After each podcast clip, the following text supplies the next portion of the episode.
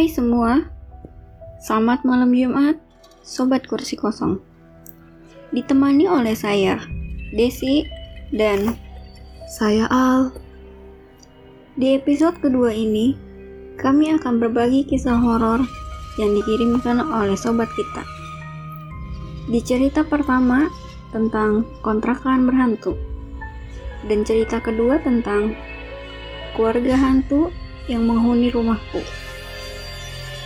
Selamat mendengarkan dan juga jaga sikapmu, jaga ucapanmu, karena kamu tidak tahu sosok seperti apa yang mendampingimu.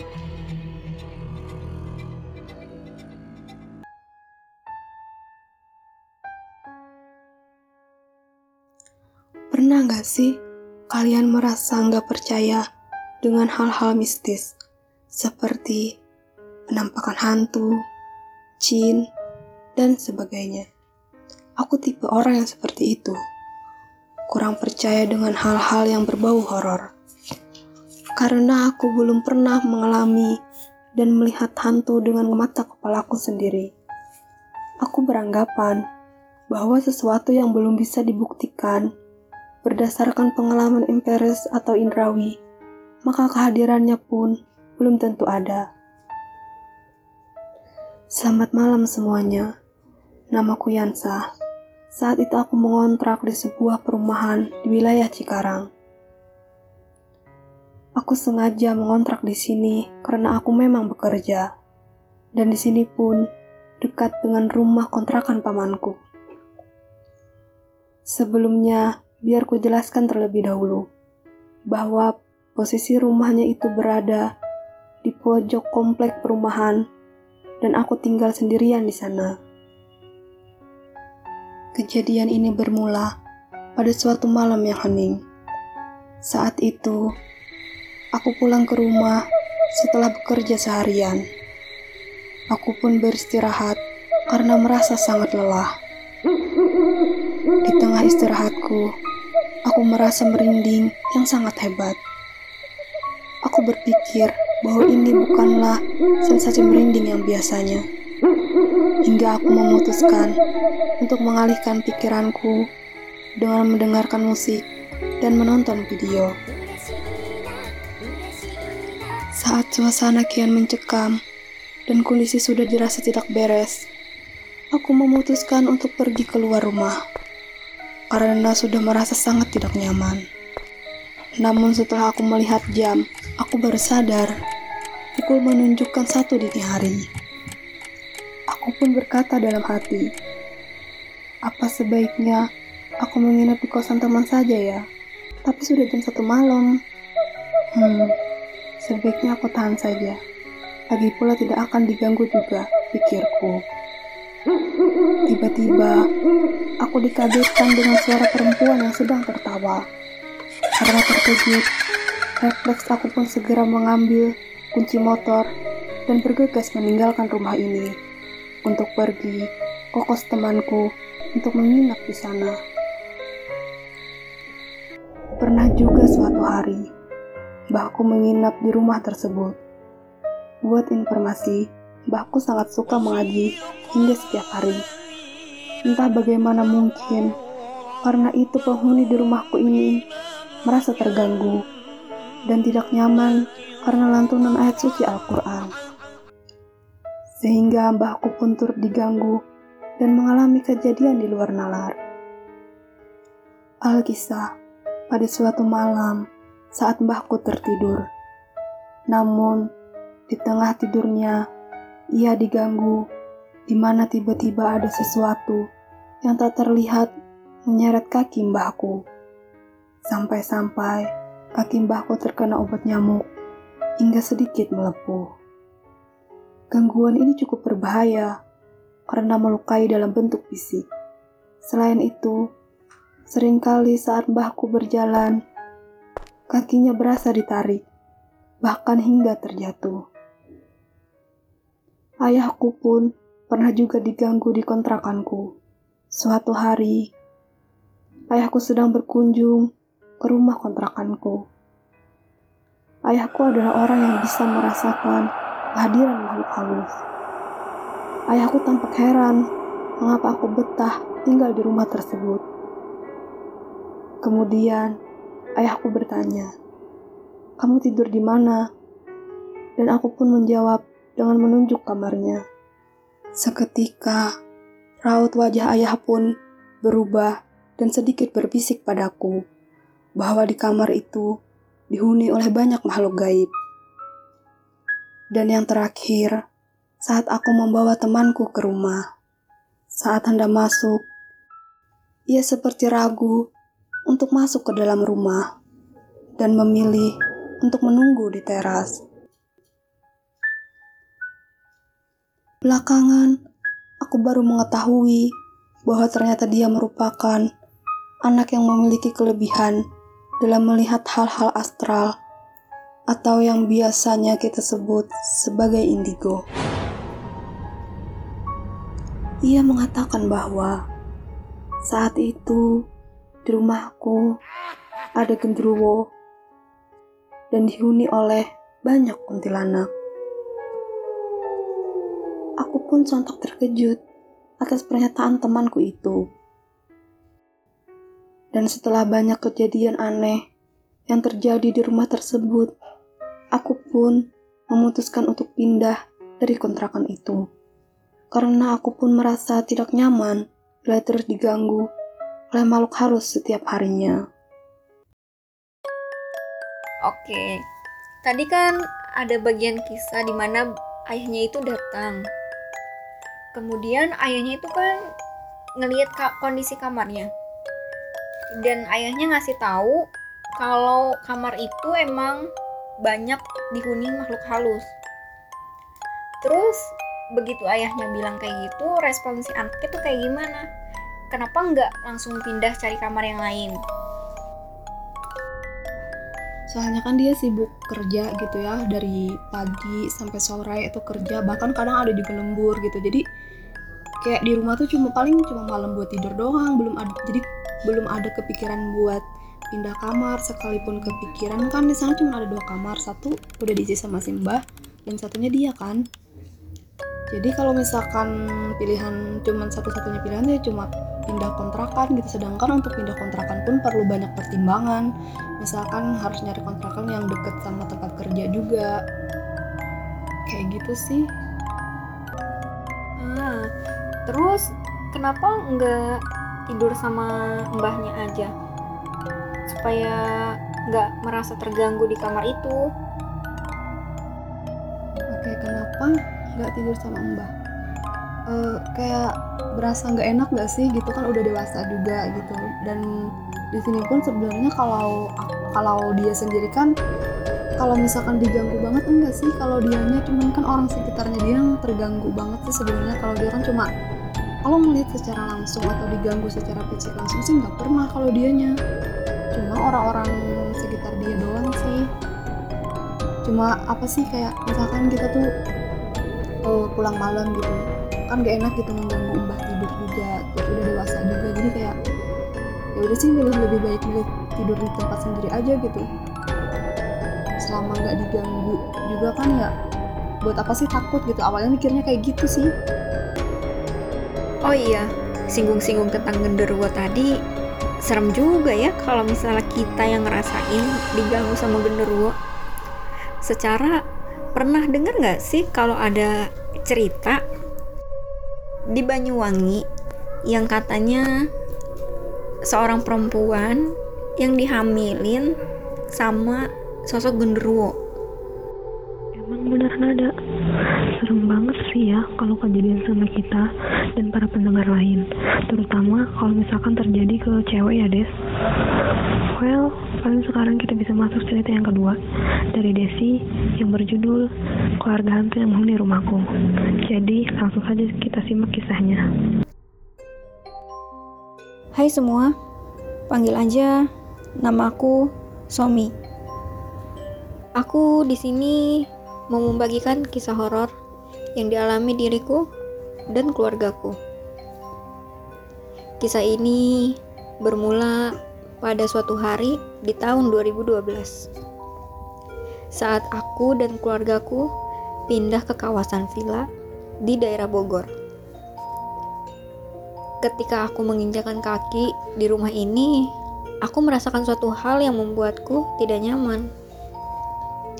Buat informasi, aku ini orang yang cukup peka dan penakut dengan hal yang berbau mistis. Dan saat aku masuk ke rumah ini, sensasi itulah yang langsung aku rasakan.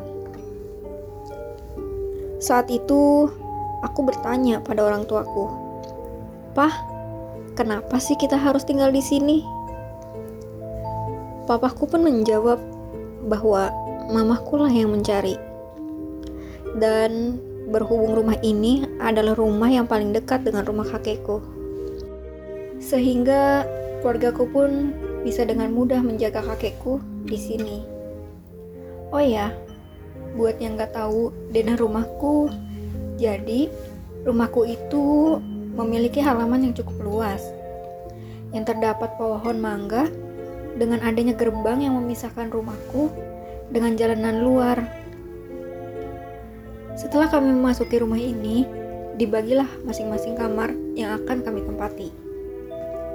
Aku menempati salah satu kamar di dekat ruang tamu, sedangkan yang lain berada di belakang, sehingga aku cukup kesulitan jika ingin ke kamar keluargaku yang lain. Alkisah, kejadian ini bermula saat pamanku menginap di rumahku. Saat itu, ia sedang berada di ruang TV.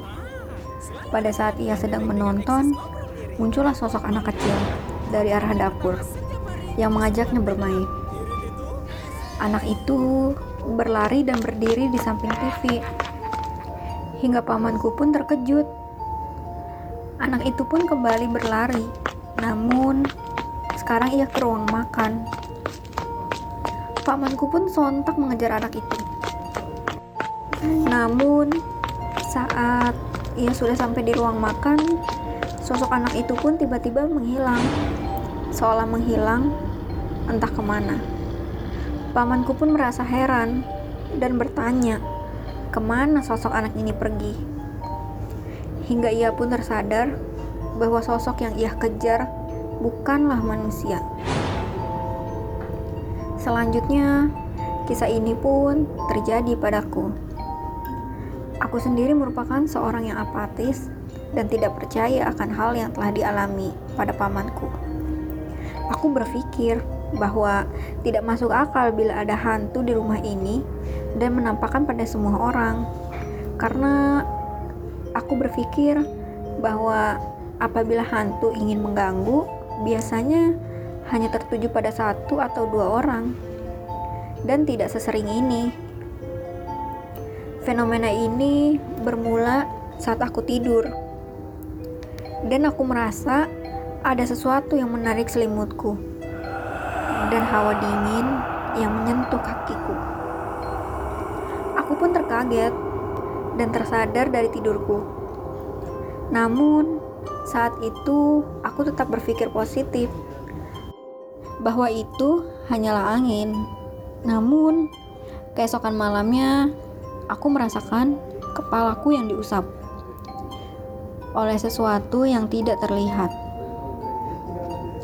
dan membuatku terbangun hingga akhirnya aku pun memilih tidur di kamar orang tuaku karena fenomena ini sudah tidak beres. Dan semenjak saat itu, aku berinisiatif menyalakan TV saat akan tidur. Karena aku merasa sesuatu yang menyeramkan saat suasana mulai sepi. Tetapi sore hari saat aku pulang dari sekolahku, Ketika akan memasuki kamarku, aku melihat sosok perempuan dengan seragam putih abu dalam keadaan sangat basah dan seperti seorang yang sedang kedinginan. Aku pun terkaget dengan sosok tersebut hingga membuatku berlari mencari keluargaku. Namun, saat orang tuaku mendatangi kamarku, sosok tersebut sudah tidak ada. Seakan itu hanya halusinasiku saja. Kejadian lain yang terjadi di rumah ini juga menimpa mamahku. Pada siang itu, ia sedang tertidur di kamarnya, di mana kamar itu tidak tertutup rapat. Buat informasi, mamahku itu tidur tidak sepenuhnya terlelap. Ia mudah terbangun bila ada suara yang membuatnya terganggu. Meskipun itu suara yang sangat kecil. Saat itu, posisi tidurnya membelakangi pintu. Namun, ia tiba-tiba mengubah posisinya menjadi menghadap pintu dan melihat sosok anak perempuan yang masih remaja. Di depan pintu sambil berkata, "Main yuk." Sambil tertawa dan berlari ke arah dapur rumahku. Pada saat itu, mamahku pun langsung terkejut dan terbangun dari tidurnya. Ia pun mencoba keluar dari kamar dan mencari sosok anak tersebut. Awalnya, ia berpikir bahwa sosok tersebut adalah adikku yang saat itu sedang menjahilinya. Akan tetapi, setelah mengingat saat itu belum waktunya adikku pulang dari sekolahnya, mamahku pun langsung merasa takut akan hal yang dialaminya tersebut. Singkat cerita, orang tuaku mulai bercerita pada tetanggaku bahwa ada kejadian-kejadian aneh di rumah itu. Namun, setelah diberitahu oleh tetangga kami, mereka menyarankan untuk memanggil katakanlah orang yang mengerti akan hal mistis. Dan saat ia menelusuri rumah keluarga kami, diketahuilah bahwa terdapat keluarga hantu yang menempati rumah kami jauh sebelum kami menempati rumah itu. Ialah sepasang suami yang biasanya mengenakan pakaian hitam, istrinya anak perempuan yang mengenakan pakaian putih abu, dan sosok anak kecil yang bersama kami selama tiga tahun ini. Kan di cerita itu tadi tuh satu keluarga ya. Ada nggak sih selain satu keluarga itu maksudnya hantu dari luar gitu? Selain mereka ada nggak sih di rumah tersebut? Nah, menurut orang yang bisa merasakan hal mistis itu sebenarnya nggak cuman keluarga itu aja yang menempati di rumah itu kadang itu ada dari hantu-hantu di luar sana yang emang cuman datang tapi mereka bakalan pergi lagi setelahnya. Nggak yang benar-benar netap di rumah itu. Beda sama si satu keluarga ini yang netap di rumah itu. Gitu. Oh jadi mereka tuh kayak berdampingan gitu ya hidupnya Des? Jadi kayak ada interaksi antara setan dan setan gitu ya? Nah iya bener. Ya hampir kayak gitulah kisahnya Oh oke okay, oke, okay. jadi kayak gitu. Nah sekarang aku mau nanya lagi nih, keluarga Somi itu tahu nggak sih awal cerita keluarga hantu tersebut bisa berada di rumah itu? Diceritain nggak sih sama orang pinter gimana awal mereka bisa berada di sana?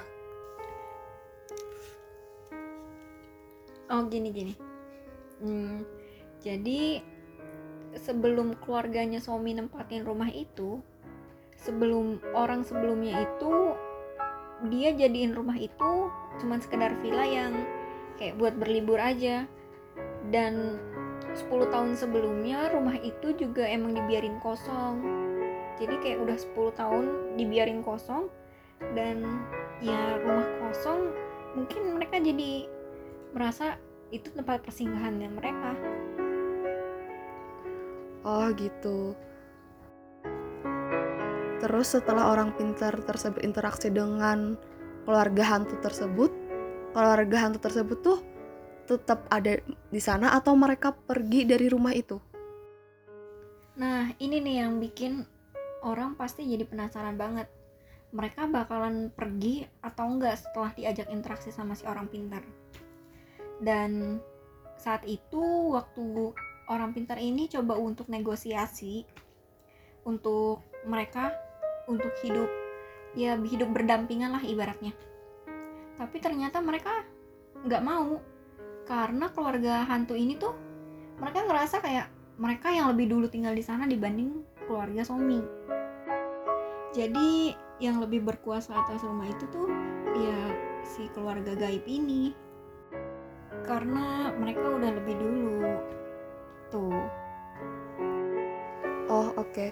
kan tadi eh, keluarga hantu tersebut nggak mau hidup berdampingan. Terus keluarga si Somi ini gimana dong? Apakah mereka tetap tinggal di sana atau pindah rumah gitu? Kalau misalkan tinggal di sana otomatis kan diga- pasti diganggu lagi sama keluarga hantu ini.